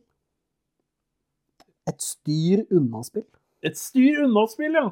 Det er ikke en Det må vi begynne med eh, fra nå av. eh, Dishonorable mention. Det er dishonorable mention. Det er et spill som jeg kjøpte på Kickstarter fordi at alle rava så fantastisk mye om det. Det er ganske høyt på BGG. Og min påstand er at uh, folk kan umulig ha spilt det. Eh, jeg kan huske at det, da jeg pledga på det, så var det en sånn ekstra tier hvor jeg kunne få en eller annen byste. Sikkert en first jeg husker ikke. Da jeg fikk spillet, så var den 3D-printa. Så det var, det var sånn åpenbart 3D-printa i gull, eh, skjør og jævlig. Det er Awkward Guests. Eh, det føles som å spille Cludo, men i kortform. Mhm. Det er bare kort. Eh, spillet funker sånn Der har du den bilda bildet av Det ligger bilde av den nevnte 3D-printa figuren på nettet. Den ser helt dynge ut. Eh, det spillet er det nærmeste jeg kommer et spill jeg virkelig hata. Eh, og jeg liker deduction-spill. Så eh, Altså, det, det, var, det var Det så bra ut. Det var sånn sepia, tofarge Det, det var, hadde veldig ålreit artwork. Men jeg likte ikke Cludo The Card Game. Alle rundt bordet liksom Dette er jo akkurat som Cludo, bare i kort form. Mm. Uh, likte det ikke i det hele tatt. Har du noe deduction-spill du kan klare å få på dishonorable mention? Eh, nei, jeg bare Skal vi se, jeg bare bare lurte etter hvor mange crossover Vi hadde tre crossover, tror jeg. Ja, og en på tredjeplass traff jo Mystery of the Abbey og eh, Sherlock Holmes. Og eh, Ja, Sherlock Holmes og Rewind 4. Fire. Det var jo Det er første gang. Men Mokkalag lager sikkert en liste som er lik. Så jeg, jeg, hadde crossover på mine fire topplasseringer. Mm. Alle de hadde du også på din liste. Kult. Ja, men, men, eh, som sagt, eh, Rear Window var på topp, og det Mm. var mm. Mord, ja, har det mord og mysterier i en liten eske. Og det er veldig kjekt hvis du skal inn på vidda og fryse, Ja, også... fryse foran peisen i et par timer før hytta blir varm. Det må jo være det perfekte hyttespillet. Ja, jeg tror det. Hytte, campingvogn, båt, altså Det er ikke bitte lite, men det er mindre enn en vanlig Ticket to Ride-eske. Det er det. Altså, jeg, det, jeg, jeg vil si, som jeg sa når vi pratet om det en gang, jeg syns de er på nesten bedre enn disse Tiny Epic-spillene har klart å være Tiny og Epic. For disse Tiny Epic-spillene har gjerne veldig stor øh, eh, holdt på å si, areal som de kreves. For Mm. selv om eskene er små, så tar de mye plass. Det er eh, er ganske stor. Uh, Tom Wassel uh, hater jo at de heter Tiny Epic. Han blir jo sint hver gang han snakker om det. Det er sikkert påtatt, men, eh, Ja. men Ja, hvordan, eh, men, eh, eh, hvordan, hvordan har avslutningen av Spillcon gått, da, nå som du har fått det litt på avstand? Spillcom eh, er jo Vi har vel konkludert med at det er en braksuksess. Um, det gikk heldigvis ikke bedre, fordi på, da det pika på lørdagen, Mm. så hadde vi ett, reelt sett ett bord igjen på det lokalet vi var. Uh, så det vil komme Spillcon igjen neste år. Vi har vel egentlig spikra en slags dato på det. Um, Jeg hørte Men også vi- Spilltinget var veldig fornøyd med det. Jeg var Pål, men jeg hadde vel litt lyst til å prøve å få til mer ting på fredagen neste gang. Noe sånn Friday, Ja, jeg Friday tror nok Magic at vi Altså, vi har ikke kommet så langt, men, eh, men eh, Det vi vet, da, er at sannsynligheten for For nå kommer vi også til å gi ut informasjon mye før. Mm. Og bare det vil gjøre at flere vil komme. Og vi kan Lokalet vi var på, var veldig bra på en del ting. Og så var det ikke så bra på bord. Så skulle vi finne på å få dobbelt så mange, da. Og det er ganske realistisk. Da sliter dere der vi Det går ikke der vi er nå. Så vi leter etter nytt sted. Eh, Men Kjølling var en bra plassering i og for seg. Det var en veldig bra plassering. Eh, jeg hadde en idé om at vi skulle prøve å kjøre en sånn at vi flytter det fra by til by for hvert år. Eh, men det var ikke de andre sugne på, så det blir det sannsynligvis ikke noe av. Eh, og det, det er helt greit. Eh, men vi har muligheten til å være på Universitetet i Horten. Sannsynligvis Mm. hvis vi vil. Men det syns jeg egentlig er litt for langt, da. Ja, altså, der har de jo holdt på å si Midgardcon, og var ikke noe av greia Jo, men det ville blitt et samarbeid med Larvik og Sandefjord, sånn. Jo. Så det kommer til å holde seg omegn Larvik-Sandefjord, det er vi rimelig sikre på. Um, og vi er på utkikk etter lokale som holder 100 pluss med gode bord. Ja. Uh, ikke 50 pluss. Nesten alle lokalene jeg har funnet, er sånn Det er godt fint plass til 60. Og uh, jeg begynner å lure på om vi faktisk må begynne å fri til skoler, da. Ja. Uh, med gymsaler. For gymsaler er i praksis store nok, og på skoler har de nok bord.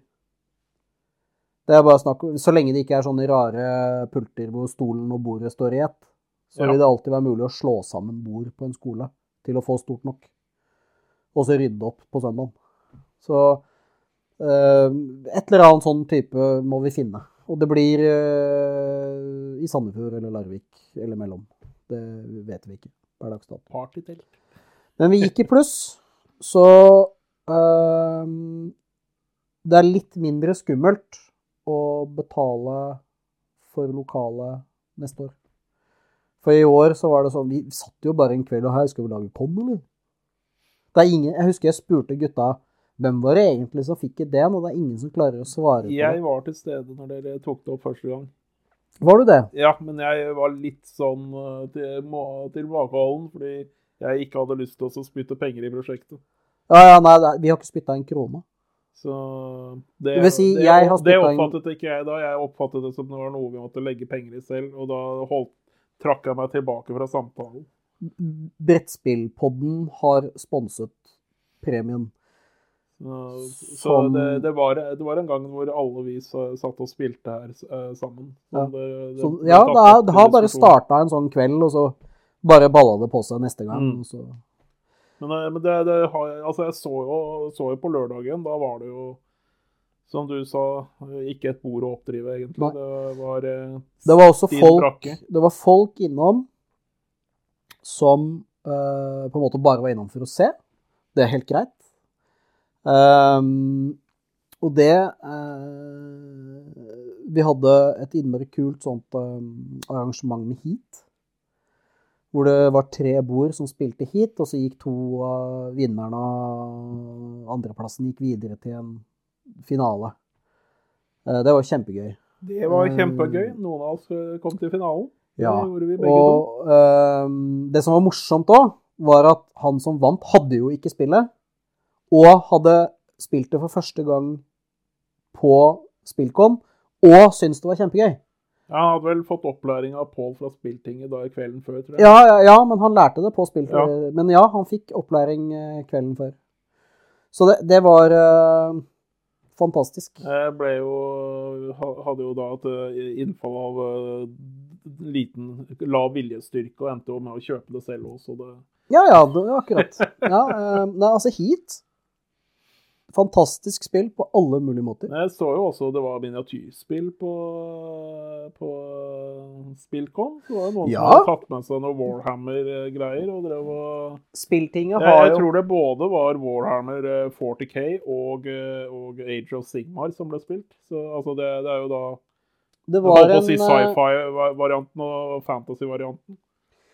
Det var en liten gruppe fra Eller det er vel en liten gruppe vårhammere på Spilltinget. Som er der hver mandag og maler. Og eh, de er fantastisk flinke til å male. Det er litt sånn Jeg maler jo også, men jeg har ikke det nivået i det hele tatt. Mm. Jeg er fortsatt der at jeg sliter med pupiller, liksom.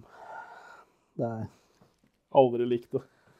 Så, Altså, og på pupiller jeg, jeg hender jo å male selv. jeg har sittet i mange år og bare bygger jo, bygger jo modeller. malt hud på trynet, vorsa, ferdig. Jeg har ikke Altså, jeg er 48 år gammel og bruker briller. Hallo?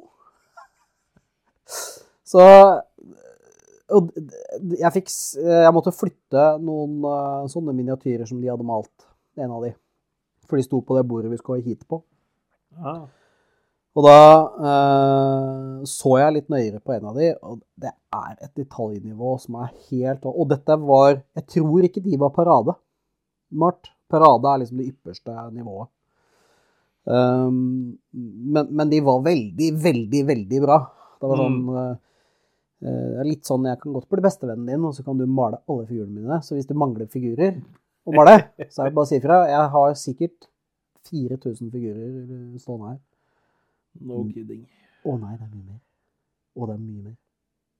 Det er jo Bare Batman er jo 250. Ja, jeg lurer på hvor mange figurer jeg har i Shadows of Brimstone. Eh, Det er en god del. Ja. Er du sånn gærning som har kjøpt tre raptorer og sånn, eller? Jeg har tre raptorer, men jeg kjøper ikke til å male dem i forskjellige farger. Hvis en av lytterne nå er en eh, spirende sp eh, spilldesigner og lurer på en forretningsidé, så skal jeg fortelle dere hva Flying Frog Productions har funnet på. De har laget et av de aller kuleste adventure-spillene som fins, som heter Shadows of Brimstone. Det er ikke et spesielt komplisert spill, men det har en utrolig kul story. Det er Ville Vesten kombinert med time travel og space og alt mulig, i tillegg til at de noen år senere da gir ut Forbidden Fortress, som er akkurat samme spillet, bare i Japan. Og nå gir de ut conquistadorer og vikinger. Ja. Og alt dette kan du bare Masje sammen. sammen i en evig sammensurium. Og stokke kortbunker som er halvmeter høye, og, og lage insert så det er ikke måte på. Jeg har spilt spillet 38 ganger. Det er ikke ofte jeg sier det om et spill, altså. Uh, men forretningsideen, da, det er følgende. Ok, et base game. Du gir ut to base game med forskjellige storyer men som er, og forskjellige figurer, men som det er egentlig samme. Ja, de to første basegamene er jo Ville Vesten. Ja, Men alle Altså, det er jo en hulekryper i ordets rette forstand. ja. Eh, men så er det jo sånne Det det jeg har sagt tidligere, er jo at dette egentlig er Stargate, the board game. Bare at det er litt Stargate The Board Game er en veldig god variant her. For det er Og- det som skjer. Du går gjennom en portal, og så blum! Ja, og da, Japan. da, da snur du disse huleflisene dine, og så er det en annen verden på Yes! Og det kommer monstre som er liksom De veier en halv kilo og ser ut som drager, og det er ikke måte på. Men her er clouet. Hvis det er en spirende designer der ute som lurer på hvordan han skal tjene mer penger på spillene sine, så er clouet Først så må du gi ut det basegamet som gjør at folk trigger på det. Og så må du gi ut øh, flere figurpakker, OK? Dette Ja. er litt sånn Warhammer-mentaliteten. Bare Warhammer gjør det enda litt Eh, Gutta, Hill-brødrene har jo jobbet i, Ja. for Og så nummer to, Citadel, så- så lager du et mission som du printer ut på A4-ark i den semreste kvalitet, som heter bla, bla, The Raptor Mission. Hvor det er bilde av en blå og en rød og en grønn raptor. Du har kjøpt én raptor. Da du bestilte kickstarteren din, så fikk du én Ja. raptor. Og så oppdager du at Hæ? Er det flere nivåer? Er det flere At det her Så ender du opp med å måtte kjøpe to til for å klare å gjøre det missionet uten å bruke stand-ins. Og så koster den raptoren 200 mm, sikkert kroner. Eh, det er sånn man tjener penger. Eh, og hvis vi drar dette videre fra Flying Frog Flying Frog syns jeg er kjempekult. Men hvis du hopper over i Games Workshop, da, Mm. som er faktisk mer lønnsomt enn Google, no kidding. Det er mer lønnsomt. De Ja. tjener ikke mer penger, men det er mer lønnsomt enn Ja, for uh, mange av disse store ultragigantene på nett tjener ikke penger. Det, Nemlig. De, de, det er vanvittig omsetning. Ja. Men, eh, de bare flytter masse penger. Men eh, det Altså Warhammer er så stort at jeg tror ikke vi helt klarer å forstå det. Jeg tror du må dra til eh, Dedikert Warhammer Con. Så- For eksempel, for å forstå det. Men en indikator på at det er blitt veldig stort, er jo at Henry Cavill har åpent støtta Warhammer i mange år, og nå har gått over til å være produsent og skal spille i Warhammer film- og TV-prosjekter. Ja. Eh, I sammenligning så er det Shadows of Brimstone en liten fjert. Men hakket kulere, for det er et brettspill. Det er ikke et miniatyrspill. Ja. Og det er det jeg savner med Warhammer, med unntak av Blackstone Fortress og Cursed City, altså Warhammer Ja, det- de, de har, jo no, har jo noen sånne crossover-spill i Warhammer som, hvor, hvor du får med miniatyrer som de ikke gir ut uh, til bare, i bare miniatyrpakker. Det- Slik at miniatyrsamlerne er nødt til å kjøpe brettspillet. Eh, godeste mm, eh, Blackstone Fortress De um, har jo Det er jo et fantastisk hulekryperspill, forresten. Og så er det sci-fi. Så jeg digger det jo enda mer. Jeg elsker det spillet.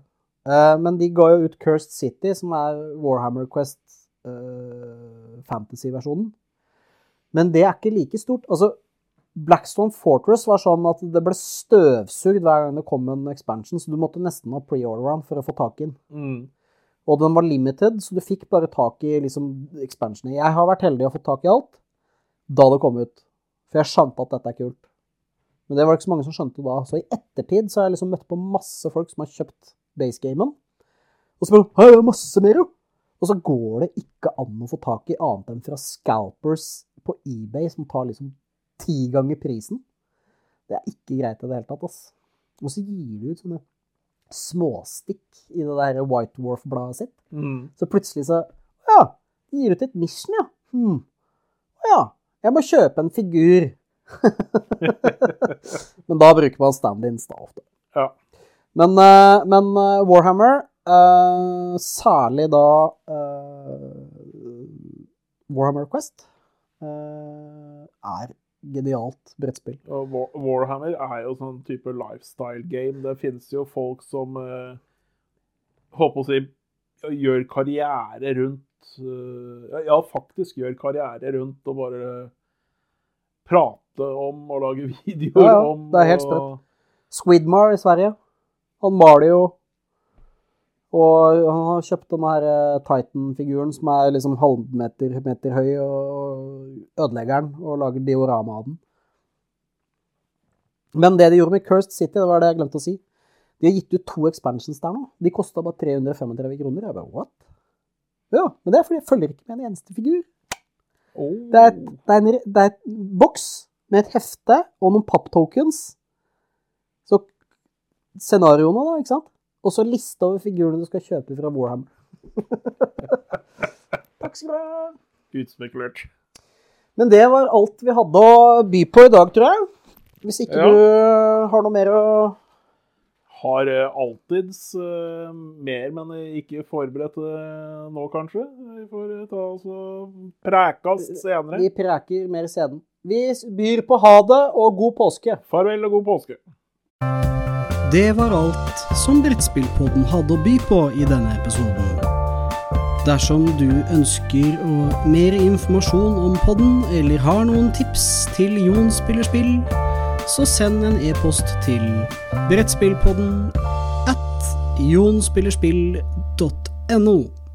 På gjenhør!